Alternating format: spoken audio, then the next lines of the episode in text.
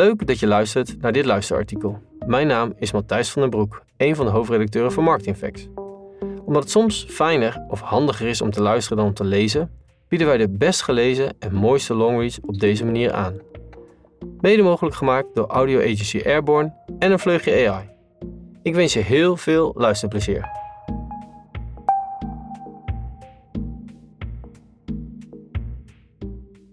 Vijf dingen die we van McDonald's kunnen leren over het creëren van een positieve klantervaring.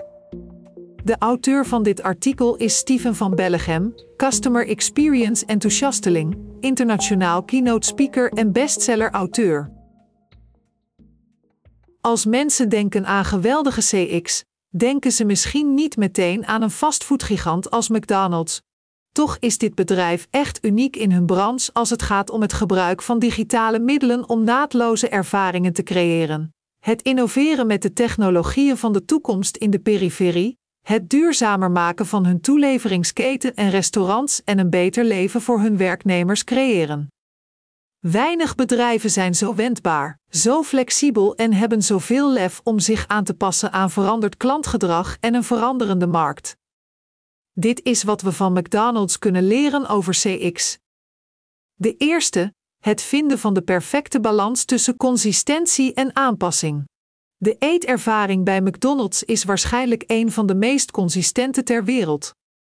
Waar ter wereld je ook bent, als je trek hebt in iets herkenbaars en iets vertrouwds, kun je een McDonald's binnengaan en precies vinden wat je verwacht en waar je zin in hebt.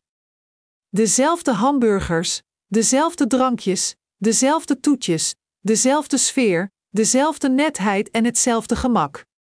Vooral in deze onzekere en vaak moeilijke tijden zit er veel waarde in dat comfort. Ook al klinkt consistentie natuurlijk lang niet zo sexy als innovatie. Maar er moet dan ook een balans zijn tussen die twee. Tussen traditie en herkenbaarheid aan de ene kant, aanpassing en evolutie aan de andere kant. McDonald's blinkt uit in beide aspecten. Het bedrijf blijft innoveren met nieuwe menu-items en blijft bestaande items aanpassen aan de veranderende smaak. Zo zijn er bijvoorbeeld gezondere en vegetarische opties en aanpasbare maaltijden aan het assortiment toegevoegd om een breder publiek aan te spreken, zoals mensen met dieetbeperkingen of voorkeuren. Naast de klassieke menu-items die overal ter wereld te vinden zijn, passen ze hun menu- en marketinginspanningen ook vaak aan op de specifieke smaken en voorkeuren van klanten in verschillende regio's met lokaal geïnspireerde menu-items. Zo hadden ze bijvoorbeeld McSpicy Paneer in India en een Caprao Crispy Chicken met rijst in Thailand. Ook al wordt er best wat geëxperimenteerd met het menu, de meest geavanceerde innovaties bij McDonald's zijn meer gericht op hun service dan op hun producten. Zo zijn ze bijvoorbeeld voortdurend op zoek naar manieren om frictie te vinden en weg te nemen. De tweede. Blijf frictie vinden en verwijderen. De grootste investeringen in innovatie doet McDonald's waarschijnlijk in het zo snel en frictieloos mogelijk maken van hun service. Met allerlei handige technische interfaces proberen ze hun klanten te helpen hun meest waardevolle bezit te besparen: tijd. De meest voor de hand liggende voorbeelden hiervan zijn natuurlijk de zelfbedieningskiosken. Maar wist je dat hun superhandige bestel- en betaal-app de meest gedownloade quick service restaurant app was in 2022? Met 40 miljoen downloads is dat maar liefst 194% meer dan de eerstvolgende concurrent, Starbucks, die slechts 13,6 miljoen downloads heeft. Sterker nog, het leverde meerdere miljarden aan digitale omzet op en hun downloads stegen met 66,6% ten opzichte van 2021, terwijl de rest van de lijst gemiddeld 10,5% haalde. Als derde. Experimenteren met nieuwe technologieën in de periferie.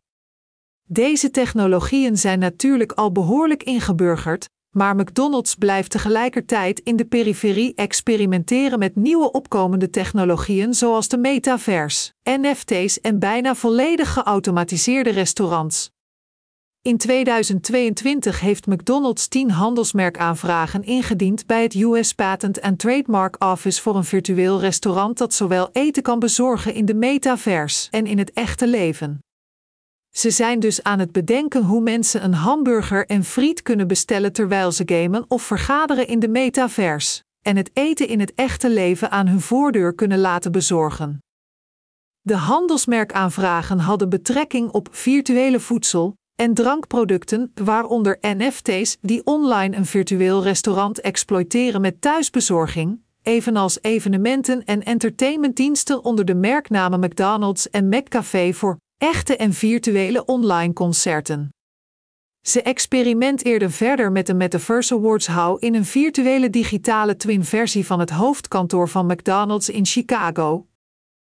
Onlangs creëerde het bedrijf ter ere van de 40ste verjaardag van de MacRib hun allereerste Limited Non-Fungible Token, oftewel NFT. Die werd uitgedeeld aan 10 fans op Twitter. Dit was hun eerste NFT-actie in de VS, hoewel ze daarvoor al een exclusieve NFT-collectie hadden uitgebracht voor bepaalde werknemers en klanten in China. En dat zijn niet de enige Web3-experimenten die ze hebben uitgevoerd. McDonald's is ook al begonnen met het accepteren van betaalmethodes Bitcoin, Tether en de LVGA-token in de 63.000 inwoners tellende stad Lugano in de Italiaans sprekende regio van Zwitserland, die een hotspot aan het worden is voor crypto-adoptie in West-Europa. En tenslotte zal het geen verrassing zijn dat het bedrijf ook al heeft geëxperimenteerd met een eerste grotendeels geautomatiseerde locatie in de buurt van Fort Worth, waar het eten vooraf kan worden besteld via de app of bij de touchscreen kiosk in de winkel. En wordt bezorgd door een lopende band in plaats van door een echt mens van vlees en bloed, hoewel het testconcept niet volledig geautomatiseerd is. Net als bij hun kiosken is het doel van de test om de bestelsnelheid en nauwkeurigheid te verbeteren. Misschien vind jij dat deze experimenten met metaverse, NFT en automatisering een beetje gekunsteld zijn, en daar heb je waarschijnlijk helemaal gelijk in. Toch zijn ze heel waardevol, want zo leren de medewerkers werken met opkomende technologie. Ze leren de gebreken ervan kennen en ze leren wat juist wel werkt. Door nu al goed te begrijpen wat dit soort technologie voor hun klanten kan betekenen, nemen ze een voorsprong op de concurrentie. Ten vierde, blijf werknemers trainen. Als je mijn stukken vaker leest, weet je ongetwijfeld al dat ik sterk geloof in het verband tussen klantervaring en werknemerservaring. Happy medewerkers zorgen voor happy klanten. En slimme medewerkers zijn betere probleemoplossers en werken efficiënter. McDonald's combineert beide. Door medewerkers op te leiden, geven ze hen de kans om verder te komen in de wereld en een beter leven voor zichzelf op te bouwen. En daarmee wint McDonald's ook de strijd om talent, door haar werknemers te verzekeren dat ze ze zullen helpen om waardevoller te worden door ze te laten leren en werken. McDonald's staat erom bekend dat ze bij het aannemen van personeel meer gericht zijn op persoonlijkheid en talent dan op diploma's en ervaring, en is daarom continu sterk gericht op training. En de cijfers liegen er niet om. Voor 43% van de Belgische werknemers is McDonald's bijvoorbeeld hun eerste werkervaring, terwijl 91% van hun restaurantmanagers ooit als crewlid is begonnen. Ook hier zie je hoe digitaal slim het merk is. Ze hebben zelfs een frictieloze manier ontworpen voor werknemers om hun eigen loopbaanontwikkeling te beheren. De app Archways to Careers is een tool voor loopbaanadvies en evaluatie, speciaal ontwikkeld om werknemers in de bijna 14.000 restaurants in contact te brengen met de verschillende opleidingsvoordelen en carrière-mogelijkheden. Daarnaast heeft het bedrijf ook een Archways to Opportunity programma, dat werknemers helpt taalvaardigheden te leren, een middelbare schooldiploma te halen en tot 3000 dollar aan studiefinanciering te ontvangen. Het programma heeft sinds de oprichting in 2015 al 90 miljoen dollar aan studiefinanciering verstrekt. En als laatste, nummer 5, red de wereld. De bedrijfsmodellen van fastfoodbedrijven hebben van nature de reputatie behoorlijk slecht voor het milieu te zijn.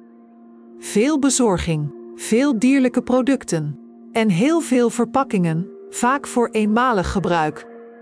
Maar McDonald's heeft al meerdere stappen ondernomen om hun impact op het milieu te verminderen door duurzame maatregelen te nemen. Voorbeelden hiervan zijn energiezuinige verlichting, recyclingprogramma's en het werken met duurzame en gezondere ingrediënten. Ondertussen zijn de resultaten van hun inspanningen indrukwekkend te noemen. Sinds eind 2021 hebben ze al een vermindering van 2,9% bereikt in de absolute uitstoot van broeikasgassen van hun restaurants en kantoren. En een vermindering van 7,8% in de intensiteit van de broeikasgassenuitstoot van hun toeleveringsketen ten opzichte van 2015. Ongeveer 82,7% van het verpakkingsmateriaal en 96,8% van de primaire fiberverpakkingen is afkomstig van gerecyclede of gecertificeerde bronnen. Het bedrijf streeft naar 100 gecertificeerde, gerecyclede of hernieuwbare klantgerichte verpakkingsmaterialen tegen het einde van 2025. Verder voerde het bedrijf een aantal pilots uit op het gebied van waterefficiëntie in restaurants in Californië. Dit resulteerde in een vermindering van het gebruik met ongeveer 30%, wat een besparing opleverde van 3,7 miljoen liter water per jaar. Hun paradepaardje in Orlando, Florida is het eerste quick-service restaurant in de VS dat is ontworpen op net zero energy. De inzichten die zijn opgedaan in dat restaurant zullen ook worden gebruikt voor de wereldwijde duurzaamheidsactiviteiten van McDonald's, zoals de beoogde vooruitgang in de richting van de wetenschappelijk onderbouwde doelstelling van het bedrijf om de uitstoot van broeikasgassen in restaurants en kantoren in 2030 met 36% verminderd te hebben.